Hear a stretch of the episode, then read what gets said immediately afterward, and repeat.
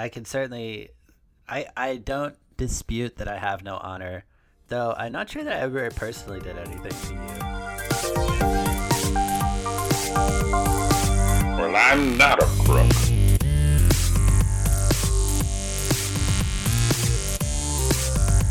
But because they are. Welcome to Presidential Deathmatch, the only presidential debates that matter. Today's headlines cool names, bad men, and no Catholics. Plus, we talk about socialists and socialist leaning candidates of the 1900s. All that and more on today's Presidential Deathmatch.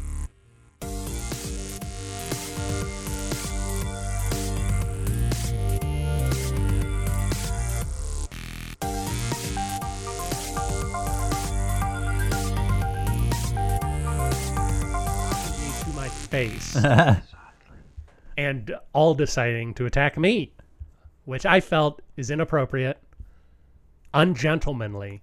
Germany certainly would never stand for such a thing.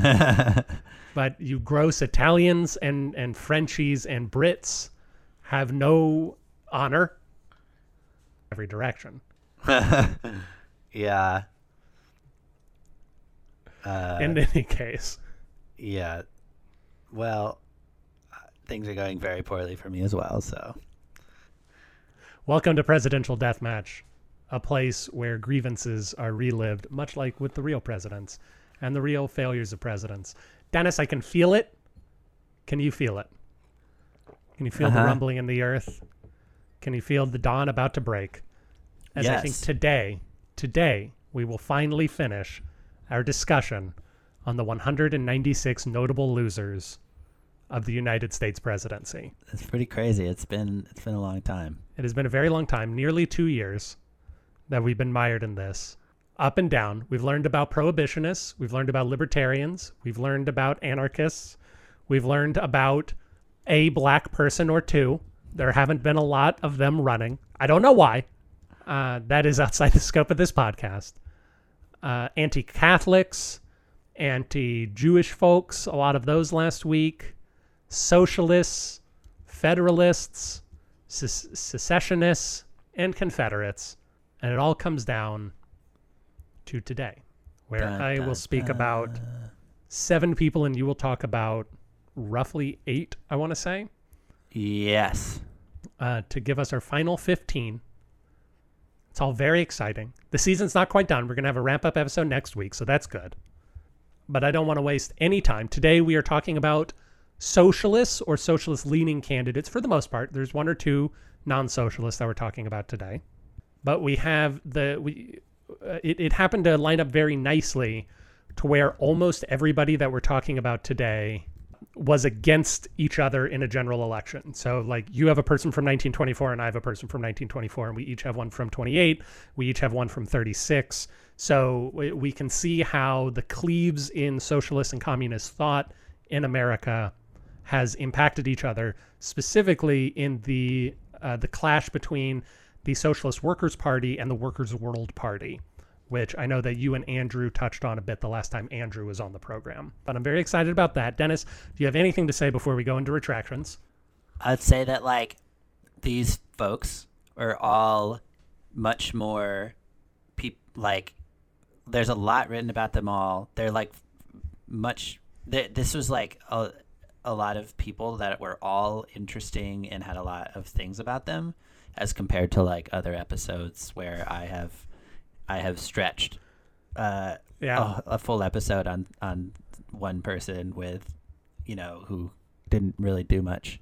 Uh, that makes one of us then, because most of my seven people, most of them were unimpressive with very little information to find. so per perhaps we just had an uneven, uh, uneven distribution of work, much like I am a manager or the bourgeoisie, you are the proletariat within the division of labor in presidential deathmatch. But let's go quickly to retractions. I have two main retractions. We talked last week about Rocky Anderson and how a lot of people seem to be named Rocky, and mm -hmm. how it was a mm-hmm. good politician name. So I went looking up the history of the name Rocky and I'm going to ask you some questions about it. Dennis, Dennis, traditionally, what is Rocky short for? Um. Oh my gosh. Uh. Wait. Rich. Richard. Interesting. Uh, it is traditionally short for Rocco, Oh, as in Rocko's modern life. It is a diminutive of Saint Rocco, which means rest. He is the patron saint of the sick, or giving aid to the sick. Okay. Rocky Anderson, who we spoke about last week, his name is Ross. So he did just choose Rocky as a nickname. And I imagine Rocky De La Fuente did as well. Ross the boss. Dennis, when did the name Rocky enter first enter the top 1,000 boys' baby names in the U.S.? 1949. So very, very close, sir. 1957. It has remained in the top 1,000 for the majority of the time since 1957, including last year. Wow. Yes, it, it has only not been in the top 1,000 in 99, 2002, 04, and 2008 to 2012, aka it's a name that Obama killed. We don't know why Obama killed that name, but he did. Rocky De La Fuente's name is his real first name is Roque. R O Q U E. That makes somewhat more sense since he is of a of a different persuasion. Mm-hmm. He's he's a Latin folk. Yes. Finally, Dennis, the best year for the name Rocky.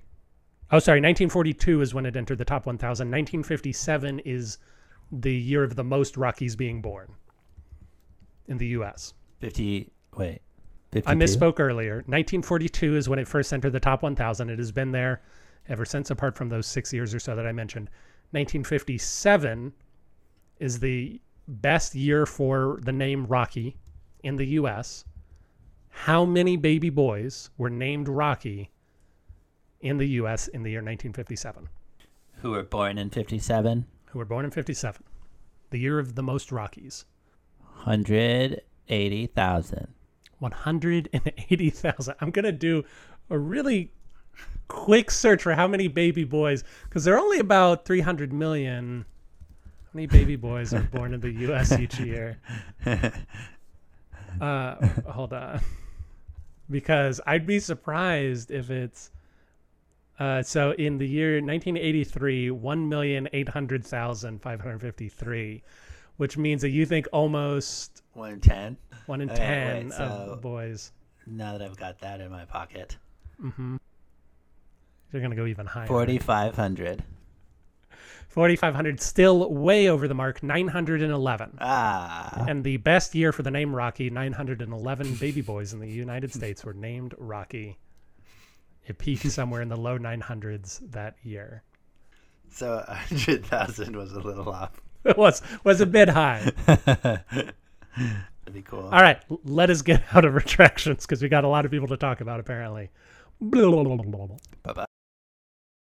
Dennis, since you seem to have a lot more than me to say today, would you like to kick us off?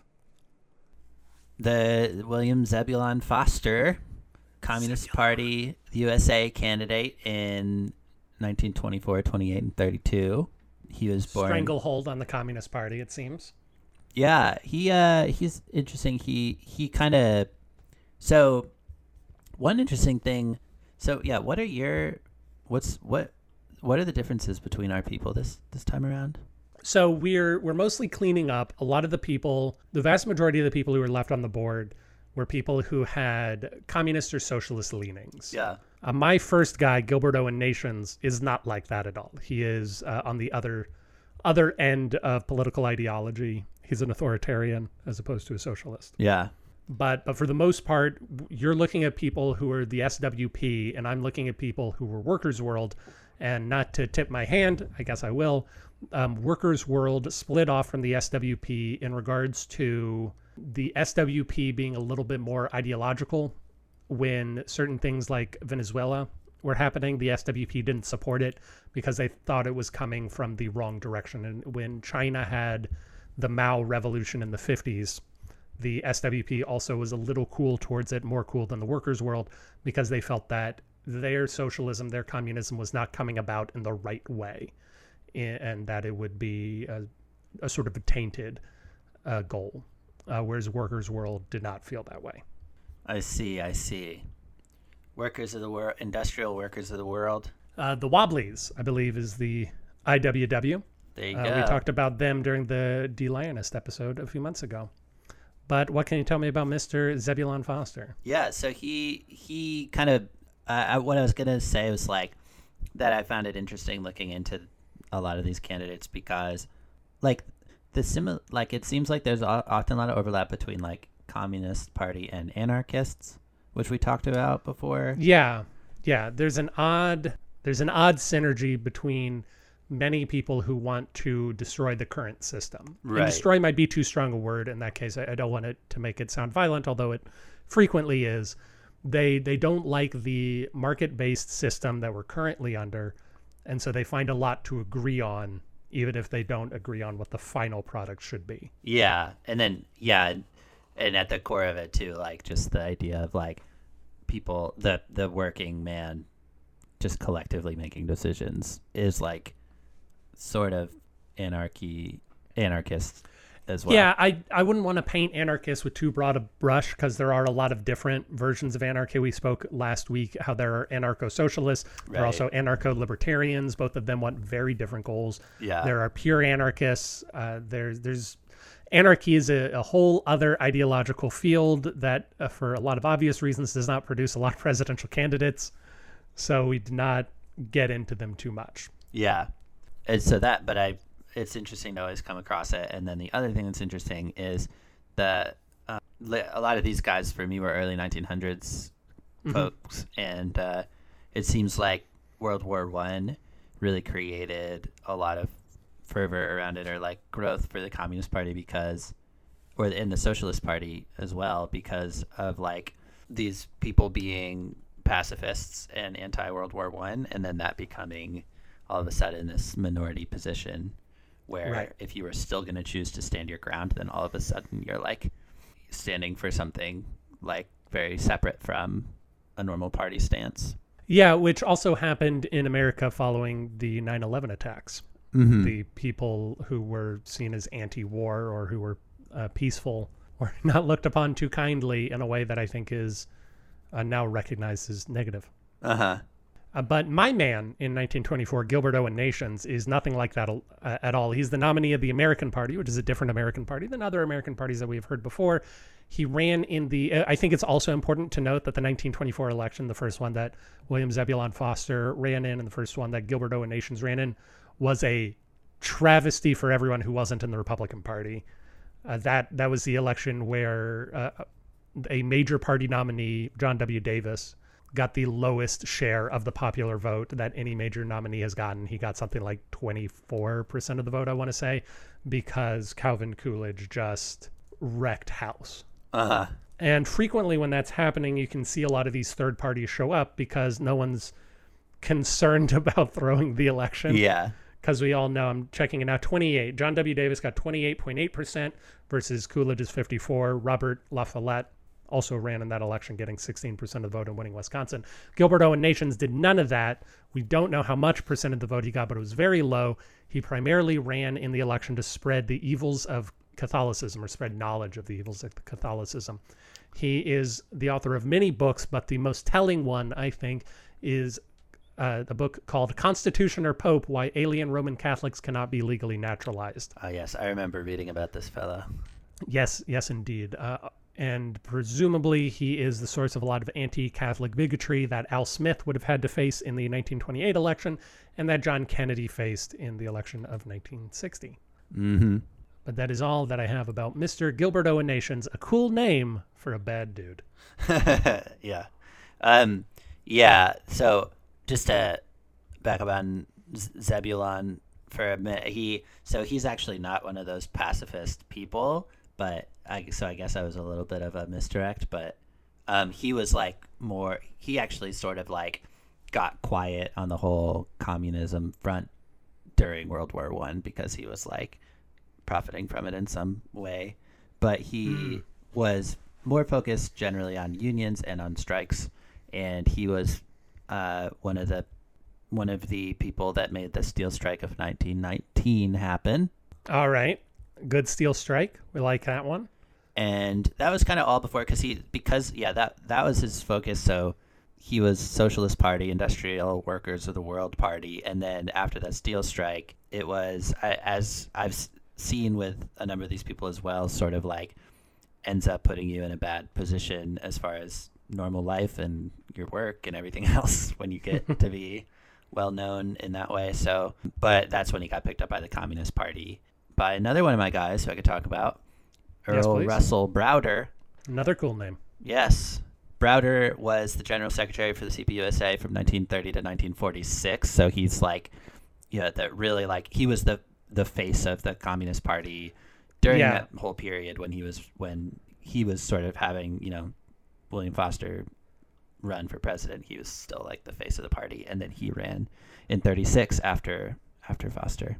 Yes, which I, I think we also spoke about in the De, De Leon episode of how the face of a lot of these movements wasn't usually the person who ran for election, Uh huh.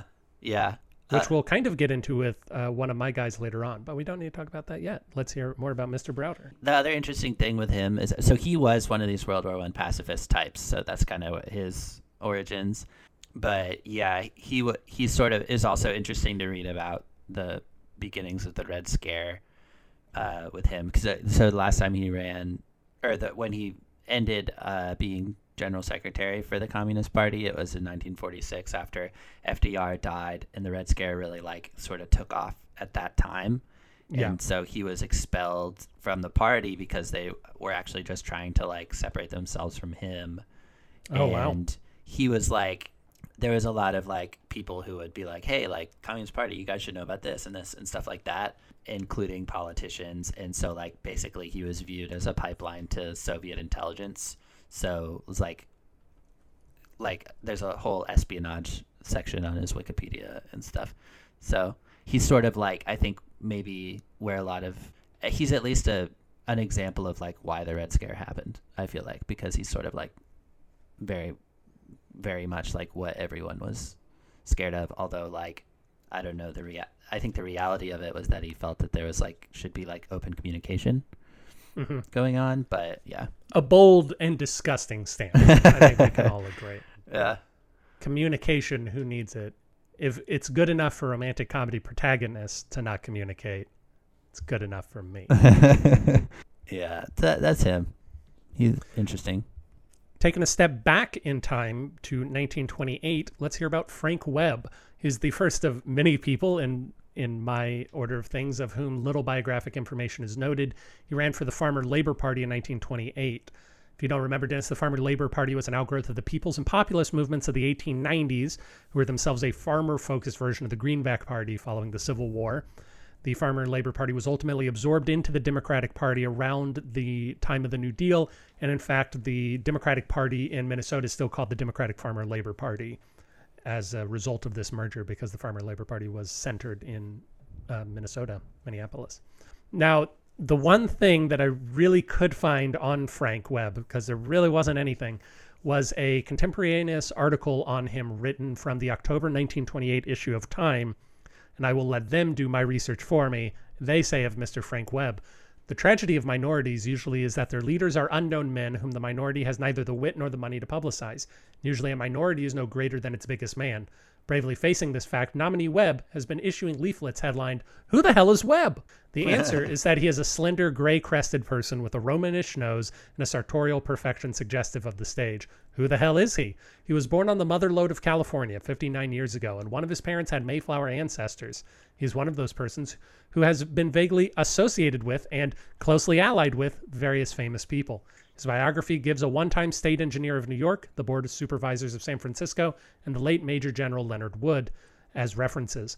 He has traveled in many parts of the world, sometimes by direction of a president of the United States. Also, he has attended at different times the services of almost every one of the major religious sects. And that is Frank Webb. interesting i've got uh, farmer labor party stuff too as well as 1928 stuff Mm, well, let's hear about some 1928 stuff. Alrighty. This fellow named Norman Mattoon Thomas ran for president six times. He was a true perennial candidate for the Socialist Party of America. So Eugene V. Debs, who was a significant fellow, uh, socialist and everything, who ran five times. Uh, And that was really at the peak of the Socialist Party of America at that time, I believe. Right, 1912 or 1916 was his high water mark, as I recall. Uh huh. And so Deb sort of like was the peak, and then he stopped running as it was going down, and then Norman Thomas started running after that, and and ran for president basically until the party was dissolved. But he was a Presbyterian minister, um, who was a um, pacifist during World War One, as I mentioned, happened, and Mhm. basically like yeah, very much like as a minister, like took that stance, got like kicked out of the church, basically like then becomes this like kind of extreme face of like you know, and then gets picked up by the Socialist Party uh, for that very reason, and then he's he's a, a a minister, so he's a trained speaker. He's very good Right. in front of people, so he was a natural politician, and I was just basically like the new place he landed. So he was, yeah, he became pretty significant in the Socialist Party. Yeah, there was some, yeah.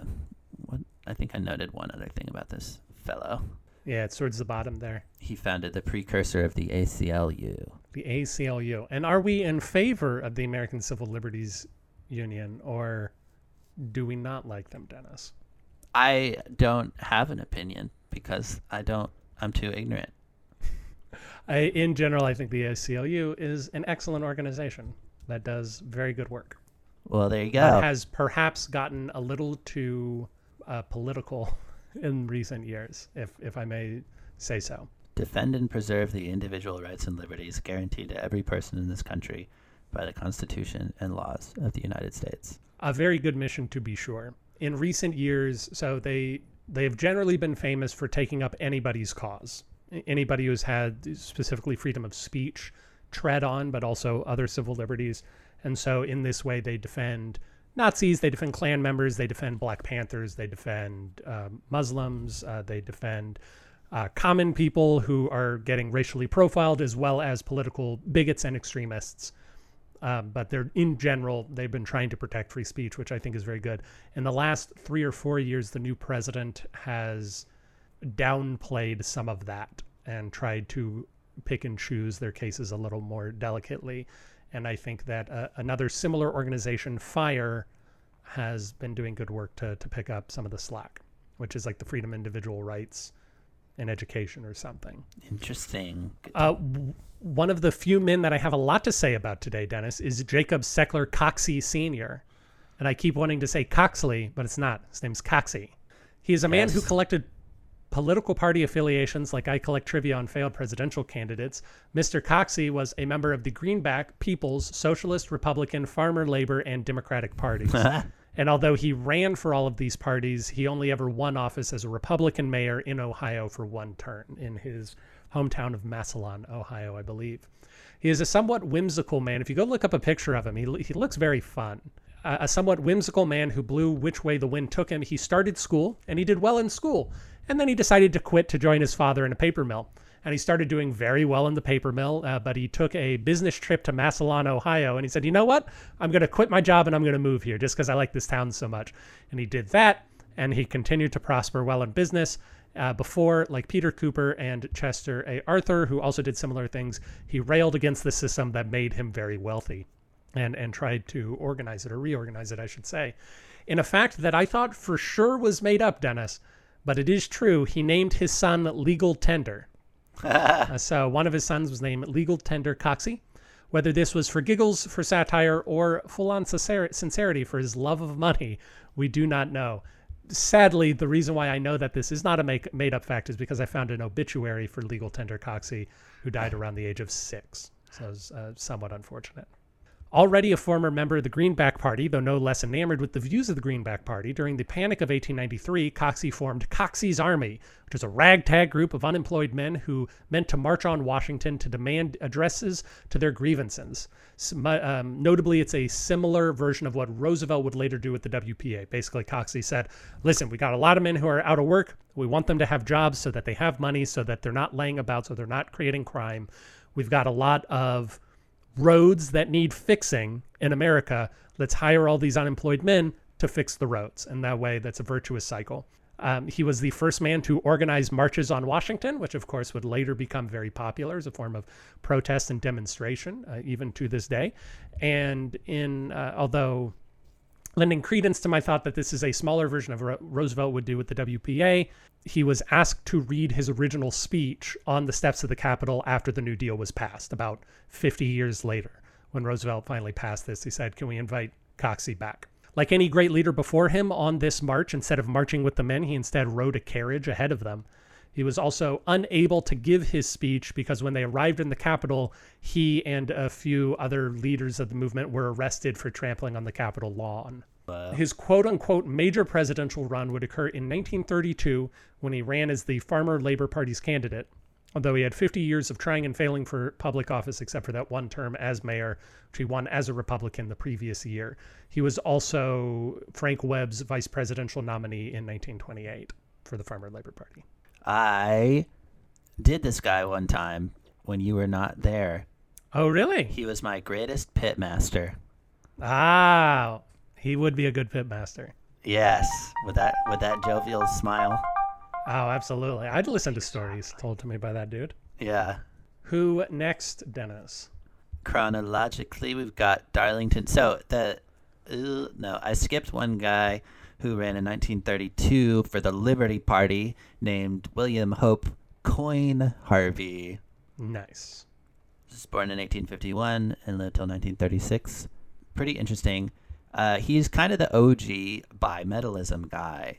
Mm. So the very like he wrote something about how we should bring back silver coinage and such and free silver and it got all this traction and that's kind of like that was the sp- so he was like the spark fellow kind of for all of Yeah. that so it's, of course we think of uh, populism and the democratic party eventually and the fellow by the name of uh, William william Jennings. jennings bryan Ryan.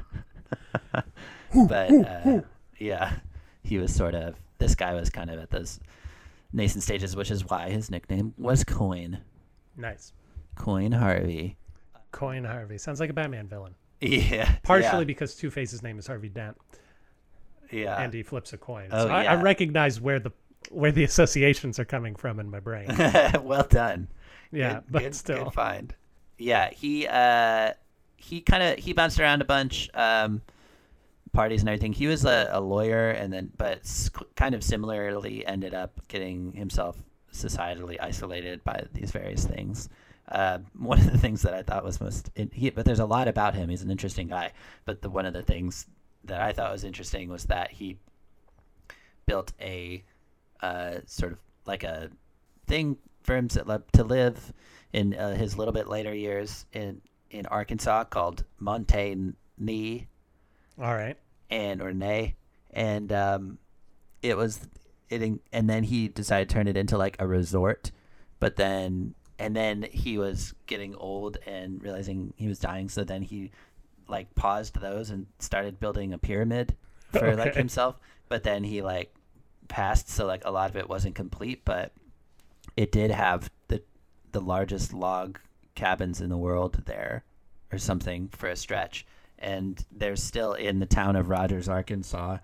There's still um, the Pieces of this. There's still like a whole area because it's not that big a town called Monte Nee, and there's like one piece that's still there of this like part of this resort that he was building. Very interesting. Today, Dennis, or not today, because everything's happening today, but the next person I'm going to talk to is the only person that I am going to talk to, uh, talk about today, who was a successful politician in any meaningful sense of the word. His name is William Lemke, uh, or Lemke, but I think it's pronounced Lemke. Perhaps the only Cyclops to run for president, William Lepp was a nominal Republican, though he ran for the short-lived Union Party in the uh, 30s. This was a party founded by acolytes of Huey Long, which was a collection of personalities more than it was a collection of political ideologies. We, uh, Jessica talked a little bit about Huey Long in that episode. She did while both of us were otherwise detained. Uh, unsurprisingly, Dennis, Jacob Coxey ran for this party too. This was one of the many, many parties that he, he ran for. Despite coming from a poor family, Lemke was able to earn a law degree from a small, unimpressive school called Yale University. While a young lawyer, he was a member of what was called the Nonpartisan League. This was a semi Marxist organization which advocated for state control of farm related industries in the Midwest. Amusingly, the founder of the Nonpartisan League was kicked out of the Socialist Party for rogue organizing. He went around saying, Hey, what if we actually use the the tools of the state to just get states to control the agriculture industry? And the socialists said, we don't want any sort of this gumption going on. You're no longer part of the socialists. So he founded the Nonpartisan League. But also Lemke would be expelled from the Nonpartisan League for pursuing public office as Attorney General of North Dakota. Because technically, if you were in the Nonpartisan League, you were not, and you were a leader of the Nonpartisan League, which he was, you were not supposed to look for um, partisan office. The organization of the NPL would fall apart at the height of their influence. They eventually took many seats in the North Dakota legislature, but their novice governing, coupled with a financial depression, led to infighting, corruption, and failure of the public agriculture sector. However, farming is still controlled in North Dakota by the state to this day. So the the I, I forget what it's called. It's like the North Dakota Agriculture Board or something. They put in a number of things to do state control of agriculture in North Dakota. Uh, this was right around the time of the Dust Bowl crisis, right around the time in the lead up to the Great Depression. So a lot of stuff went poorly, and all the politicians got voted out. But uh, the North Dakota Agriculture Board is still in control today. Even as their influence waned, Lemke was elected a member of the House of Representatives, where he would serve eight non consecutive terms until his death in 1950. Although a Republican, he would support the New Deal as it favored his populist positions, demonstrating again how silly political parties can be because uh, we we can remember that there were a lot of Democrats who didn't like the New Deal. There were a lot of Republicans who did like the New Deal, depending on how progressive, quote unquote, you were at the time. His major victory while in Congress was the Frazier Lemke Farm Bankruptcy Act, which restricted the ability of banks to repossess farms, although it was later ruled unconstitutional. And as we all know, the election of 1936, which was the election Lemke ran in, was a rout for Roosevelt, although Lemke was the last person to outpoll a major party nominee until George Wallace uh, when Lemke won several North Dakota counties over Alf Landon, who was a Republican nominee that year. And that Nice. was William Lemke. Yeah. Oh, my 1936 guy was that Browder fellow I talked about. Yep. Earl Russell. Yeah. And then, of course, Norman Mattoon Thomas. hmm And yeah, no, the other guy I talked about was 32. I don't believe you've talked to us about Darlington Hoop yet, yes. have you? I was just going to say. So earlier, when I was saying that Norman Mattoon Thomas kind of was running after Debs through all the rest of the Socialist Party's elections before that version of it dissolved, that was false. Darlington Hoopes is the one who he took over after Norman Mattoon Thomas as it mm. continued to sort of dissolve, get closer, and then he was sort of the, the one. And all of that time that Norman Mattoon Thomas was the one they're putting up for president, he was actually uh, a congressman in the Pennsylvania House of Representatives as a socialist. Like he ran and won in the Socialist Party of America in 1930, 32, and 34 before losing and trying again after that and losing again. But did three terms. Uh, he was chairman of the Socialist Party from 1946 to 68, so pretty long That time makes sense. Yeah. kind of after the yeah being congressman and yeah and he ran in the middle of that period um, so interesting fellow Interesting indeed.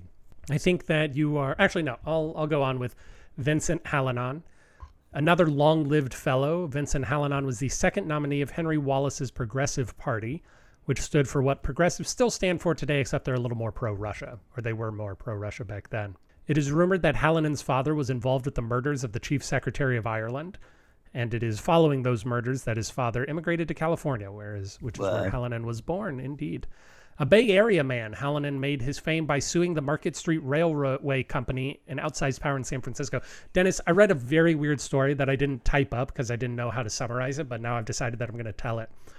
they were um, the article was trying to demonstrate how much power the Market Street Railway Company had, uh-huh and instead of using tax rolls, like who paid taxes in this county, in order to call jurors, the city of San Francisco used the Market Street Railway Company's something.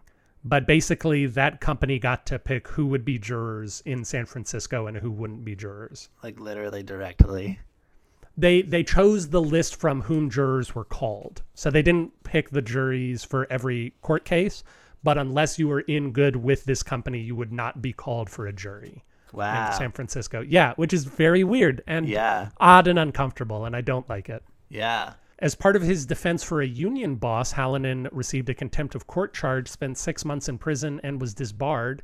Little is known about his run for president, though in his memoirs he described being persecuted by the IRS for his political beliefs, and he was convicted on many counts of tax evasion in 1953, shortly after the election of 1952, which is the one he ran in. After those counts of tax evasion, he spent an additional 18 months in prison. While advocating for the Soviet system of governance, he also believed that drug addiction should be treated as a medical condition and wanted to legalize prostitution, abortion, contraception, and buggery. Dennis, do you know what buggery is? No. Uh, that would be uh, anal penetration. S- sodomy. Yes, that's another good word for That it. was- but uh, That was Texas, gonna be my guess. yeah, the Texas called it buggery, and the still on the books laws in Texas that that outlaw that practice. What really? Mm-hmm. You know, we saw what happened, right? Like the Supreme Court overturned Roe v. Wade, and Texas had those still had those laws on the books. So they said, "We're just waiting. We're just waiting." Similarly, whenever the Supreme Court gets around to ruling that two consensual adults can't have sex with one another if that sex offends certain people, Texas will be ready to step in and say, "We've already got a law to cover this. We don't have to worry about a new legislative session to enforce the will of God onto these people." Insanity. Indeed. I got a little heated there. Uh, why don't you tell us about Clifton DeBerry? Yes. Getting in now to the Socialist Workers' Party. Mm-hmm. And Clifton DeBerry uh, only just passed away in 2006, All right. and my other remaining people are still alive. He La la. was born in 1923. First, the way that they explain this, I'm sure I'm going to not really nail it, but he's the first black man nominated by a party, is how they put it. So, like, Okay. major presidential candidate representing, like, a party like the Social Work Socialist Workers Party. And I realized, I think what they meant, because I looked at some of the previous black candidates, was um, that those ones were, like, for, like, African American. It was like the Racial. Yeah, he yeah. was the first guy who ran for a non-racially motivated party. Yeah, kind of, yeah. In 1964, and then he ran again in 1980. Just took a little bit of a break there. Yes. Um, 64 was, I think, the bigger one. And he was a union man kind of situation, unionist, organizer, political activist, friends with Malcolm X, uh, all that kind of stuff. He, yeah, he felt the Communist Party was like too extreme. So the, he basically he was a union guy, moved to Chicago, sort of gets like noticed by this, this group. They have him join the Communist Party. He's like, you guys are a little bit too much for me. So then he ends up in the Socialist Workers Party and uh, yeah, and then that was a good station for the work that he was doing. But Excellent. he he spoke of not being able to hold down a job because of his association with with uh, the party as well, and that he said he would get a job, the FBI would come, and then he would get fired. Yeah. That does not surprise me. Yeah. Whereas I feel like Mr. Hallinan was probably exaggerating when the he said the IRS was persecuting him for political beliefs. I would fully believe that Clifton DeBerry would be persecuted for socialist beliefs. yeah, yeah, Evelyn Reed was a communist and women's rights activist who joined the Socialist Workers' Party after visiting Trotsky during his exile in Mexico. She was a rump nominee of the Socialist Workers' Party in 1972 on the ballot in Indiana, New York, and Wisconsin. So remember, we learned about rump candidates last week. So um, some people didn't want the actual nominee, who I believe you at Linda Jenness, who you're going to tell us about in just a moment. Linda Jenness was uh, on was the main nominee. Some people wanted Evelyn Reed instead, so Indiana, New York, Wisconsin nominated her. Like any good Marxist, but not good feminist, she believed that class differences were the main driver of problems in society, that one had to solve that before addressing the inequality of women, saying the emancipation of working women will not be achieved in alliance with women of the enemy class. And so I think it is fair to say that she was a socialist before she was a feminist. Much of her writing is archived at Marxist.org. However, I did not find a birth or death date for her. interesting. Yes, Linda Jenness, I think, is still alive. Uh, born 1941, and uh, ran in 1972, which I think you just said. Mm-hmm. yeah, stood behind a couple important court cases that I don't think went well.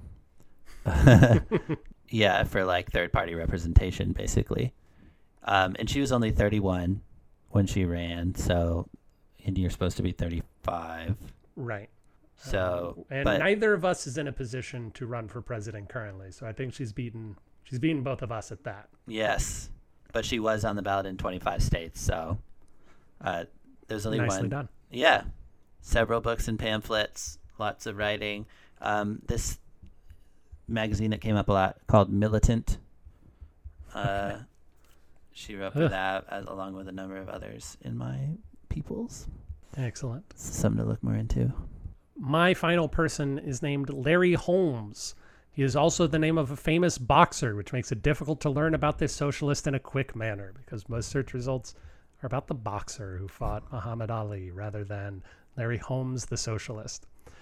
The workers' world, as has been said in other places, formed as a splintering over the SWP, over the workers' workers' world support for the Progressive Party, the Mao Revolution in China, which for whatever reason I wrote China in my notes, which is very embarrassing, and Soviet meddling in Hungary, which I find uh, interesting that the Soviets were doing the same thing in Hungary that we do in so many countries, much to our own uh, poor poor form. Larry Holmes was the presidential candidate of the Workers' World Party in 84 and 88 with Gloria La Riva, who Dennis spoke about last week. And he was the vice presidential candidate for Miss La Riva in 92 and 96 when she ran as president for the Workers' World Party. Little biographic information is available on Mr. Holmes, though he still writes for the Workers' World Weekly pub publication, having published articles as recently as May 19th, 2023. As we are recording this, this is May 21st, 2023. So he is a, a very common writer still to this day for that publication, writing about uh, the dismantling of capitalism, uh, general propping up of socialist values. And There you have it. Dennis, take us home? Take us home with Thank you Melvin listening Mason, Presidential Melvin T. Mason, Deathmatch is hosted by for Aaron Garrett and Dennis 1943. Edited by Also, uh, you mentioned you a like the boxer show, that kept coming up. us a wherever Collegiate basketball do player, that, we'd really and appreciate it. If you big didn't like time listening to high the show, school well, why basketball player in come on back and give us Monterey. another try? We really Uh, is not this man. If you want to reach out It- to us, and It- do that at contact Twist, at it Pronoia is this man. What? You can also support Yes. the show in a variety of Um, ways, including a So Pronoia he, Theater.com yeah, slash he interesting. He joined the Air Force at the end of high school, and then was discharged for speaking out against like he's he's a black man and spoke Mhm. out against like racist something. Got Mm, discharged. like you doing that back then. Yeah. And then they actually went back and changed his discharge to an honorable discharge later. And then he goes to college to play college basketball and gets kicked out for, again, standing up for how black people are being treated. for himself. Oh, Yeah. boy. And so then he joined the Black Panther Party and then eventually ends up in the Socialist Workers Party and ran for president in 1964, 84. Ooh, 1984, same year as Larry Holmes. There you go. And then yeah, the interesting that now he he he got like he got a degree as a social worker and now he ha- he started a like an organization called the Village Project. Still in Monterey. He's pretty much been in that area his whole life as far as I can tell. And it's like an organization focused on mental health and everything, but it's targeting particularly like minorities and underserved populations because He's targeting minorities. Why won't somebody stop this man? uh, yeah, which I think is interesting because, um, especially with like mental health and that kind of stuff, it's really easy for like it to feel like it's all going well, but for there to be some implicit biases that you just can't know about. So that's cool. Yeah, and very It is di- cool. It's yeah, and very different than kind of this first. You know, he's got very distinct chapters in his life. Mhm, And- that's for sure. It is kind of funny though that it was a socialist workers party and now he's a social worker. Well, I wish we could go out completely on that, but sadly we have uh, yeah. sadly, I can only imagine. I looked up a picture of him and he looks like a jovial guy. Yes, yes, Yeah. Also, if you're a star basketball player, you definitely party. yeah. I don't want to assume too much about him, but 60s were a wild time. Especially if you were racially minded. Then they were a super wild time and not in a comfortable way. Dennis, we have done it. We have talked about 196 failed presidential candidates Samuel Huntington to Howie Hawkins. wow. They said it couldn't be done. They said we would never do it. We said we would never do it. and yet in a matter of days. Only 600 plus of them. we did do it. I'm very excited. Next week, we're going to look into 67 episodes, I should say. It took us 67 episodes to talk about 196 people, which is a pretty good rate, I think, all things considered, especially since several of them were uh, one person episodes for a while there. Next week, we are going to do a little bit of a recap. I think I'm going to call it an after party. We're going to look at historical rankings of failed, major failed candidates, and we're going to ask ourselves who of these failed candidates deserve to be better remembered than they are. Wow, suspense. Indeed. And it is there that we will formally announce what season four of Presidential Deathmatch will already be about. I said that wrong, but I'm going to stand by it. Goodbye. Bye bye.